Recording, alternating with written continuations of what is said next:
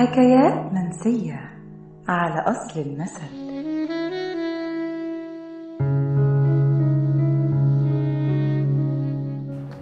طب والعيش والملح اللي بينا ما ينفع؟ يا راجل عيب ده إحنا بينا عيش وملح. لا ده أصيل بيصون العيش والملح. كل دي جمل مرتبطة بالعيش والملح. حتى ليلى مراد ليها أغنية بتقول فيها العيش والملح وعشرتنا ما تهونش علينا محبتنا ولا تقدر على نار فرقتنا وهنرجع ومسرنا لبيتنا. بيتنا وحشنا ووحشني هواه يمين بالله والعيش والملح. عندنا كمان فيلم مصري بنفس العنوان العيش والملح من إنتاج سنة 49 كان من تأليف حسين فوزي وبديع خيري وإخراج حسين فوزي. البطولة كانت لنعيمة عاكف وسعد عبد الوهاب مع حسن فايق. ليه يا ترى بنحلف بالعيش والملح؟ اشمعنى الاتنين دول بالذات؟ ليه مثلا مش بنحلف بالتين والزيتون طالما الفكرة أي أكل والسلام؟ على الأقل ربنا أقسم بالتين والزيتون. ليه مش بنقول مثلا وحياة المحشي والرز اللي بينا أو وحياة الروبيان والسلطات؟ ليه في الخليج ما بيقولوش وحياة المندي والمصبي اللي ما بينا اشمعنى العيش والملح؟ تابعونا وهتعرفوا أصل الكلمة. في حكايات منسية العيش والملح وعشرتنا ما تهونش علينا محبتنا ولا نقدر على نار فرقتنا وحنرجع ومسرنا لبيتنا.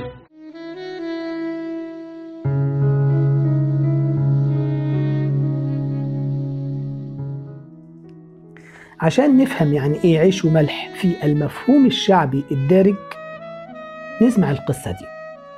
رجل غريب دخل إلى مطعم في الشام وطلب رغيف خبز فقط. أكل نصه وترك النصف الآخر وخرج. تاني يوم كرر نفس الموقف يأكل نص الرغيف ويترك النصف ويخرج. أحد الرجال الشوام اللي كانوا موجودين في آه، المطعم لاحظ ده كذا يوم فسأله بأدب شديد ليه حضرتك بتاكل نص الرغيف وبتسيب نصه كل يوم؟ وإنت أصلا منين؟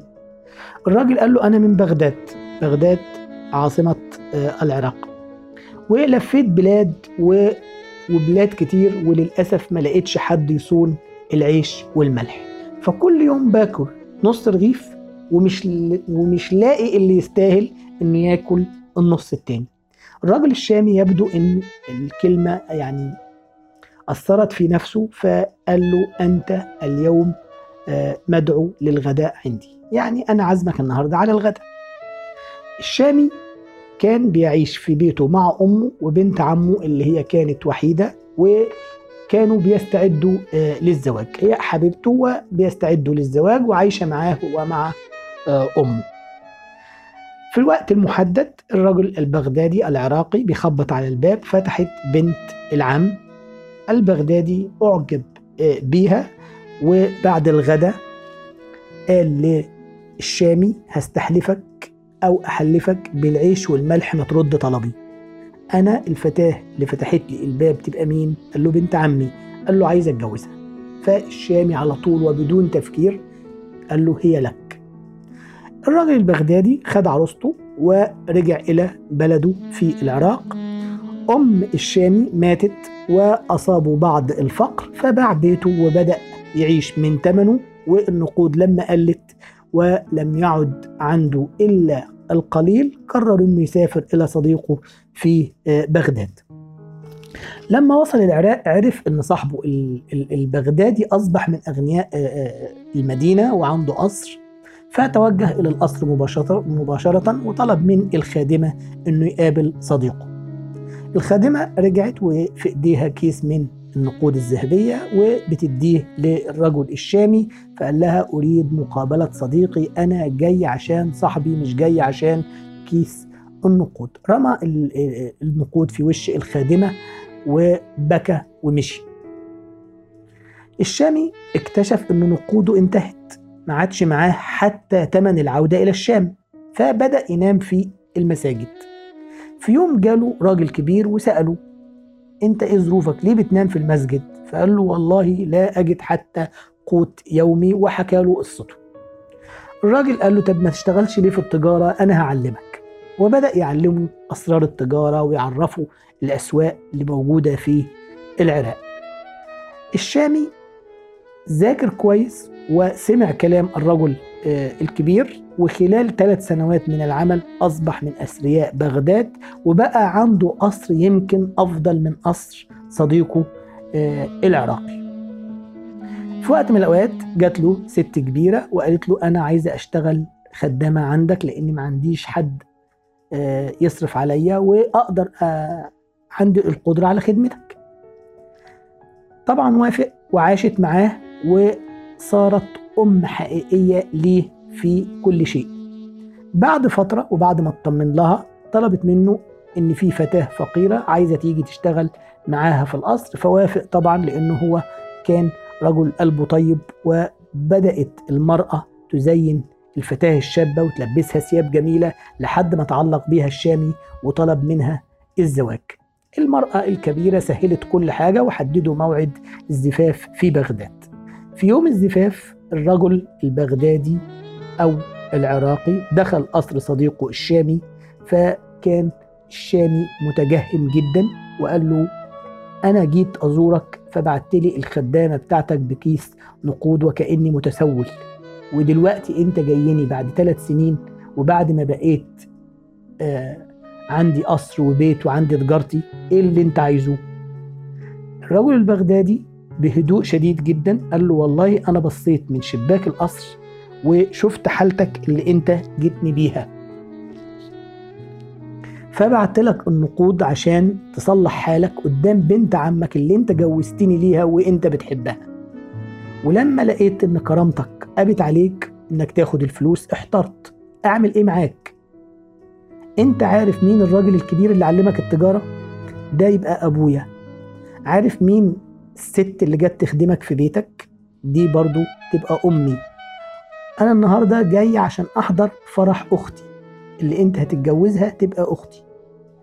وأشار بإيده فدخلت زوجته ومعاها طفل وطفلة وقربت من ابن عمها الشامي وجلست عند قدميه. ثم جاءت العروسة اللي هي أخت الرجل البغدادي وجلست بالقرب منهم أيضا.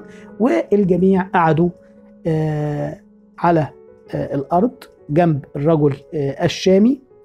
فالبغدادي طلع الرغيف وقسم نصه وبدأ يوزع الرغيف على الكل عشان يقول لهم ده صيانة أو ده صون العيش والملح. اللي بيصون العيش والملح لازم يعمل اللي أنا عملته لازم يعمل اللي صديقي آه عمله.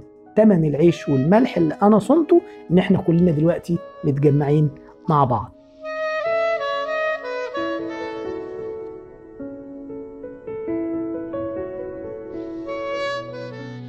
ده يمكن العيش والملح اللي نقصده من منظورنا وتراثنا الشعبي. أصل الكلمة للأسف مختلف تماما عن المعنى ده.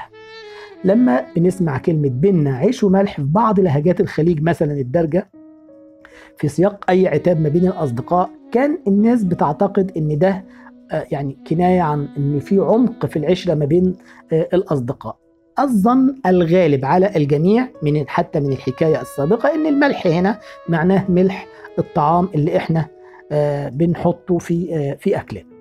طيب إيه العلاقة ما بين العيش والملح؟ العيش هنا هل معناه الحياة العيشة؟ طب إيه علاقة الحياة بالملح؟ طب هل مقصود بيه الخبز؟ طب الخبز والملح. يمكن يجيب عن السؤال ده آه أحد علماء اللغة أبو بكر الأنباري أبو بكر الأنباري كان بيعلق على مثالين من لغة العامية فكان بيقول بين الرجلين ممالحة وفلان لم يحفظ الملح إيه الكلمتين الدارجتين دول مثالين كانوا بيقالوا بين الرجلين ممالحة لما اتنين يكونوا قريبين من بعض يقول لك بينهما ممالحة وفلان لم يحفظ الملح يعني ما صنش العشرة. ف بيستشهد بقول الأصمعي. الأصمعي بيقول إيه؟ معناه بينهما رضاع أو ملحت فلانة لفلان يعني أرضعته. الحديث الشريف اللي برويه ابن إسحاق عن عمرو بن شعيب عن أبيه عن جده أن وفد هوازن أتوا للنبي صلى الله عليه وسلم يكلمونه في سبي أوطاس وحنين. فقال له رجل يعني سبي أوطاس اللي هم السبايا من مدينة أوطاس ومدينة حنين. فقال له رجل من بني سعد بن بكر يا محمد لو كنا ملحنا للحارس بن أبي شمر أو للنعمان بن المنذر ملحنا هنا لو كنا رضعنا لو, كن لو كانت بيننا وبينه صلة رضاعة ثم نزل منا منزلك هذا لحفظ ذلك لنا وأنت خير المكفولين فاحفظ ذلك. النبي صلى الله عليه وسلم كانت الداية الخاصة به من بني سعد بن بكر. فقال الأصمعي بيشرح الموضوع فلان لم يحفظ الملح أي لم يحفظ الرضاع يعني في المعجم اللغوي مادة الميم واللام والحاء اللي هي ملح يعني رضع ملح بمعنى رضع والملح معناه الرضاعة يعني العيش. والملح معناها بيننا حياة وأخوة في الرضاعة. يعني كأن علاقتنا تشبه أو هذه العلاقة من الأصدقاء بينها. طيب معشر وتعبير من باب الكناية مش على سبيل الحقيقة. الأصدقاء غالبا ليس بينهم أخوة ورضاعة وبيعبر عنها لشدة ما بين الأصدقاء من الأخوة في العشرة. ولذلك تفسير بيننا عيش وملح لا علاقة له بالخبز ولا بالملح المعروف ولكن لغة بيننا صلة قرابة تصل إلى حد الرضاعة وكأننا أخوة في الرضاعة. دي كانت حلقتنا النهاردة من حكايات منسية. استنونا في حلقة جديدة مع رحاب الدين الهواري من المصري اليوم.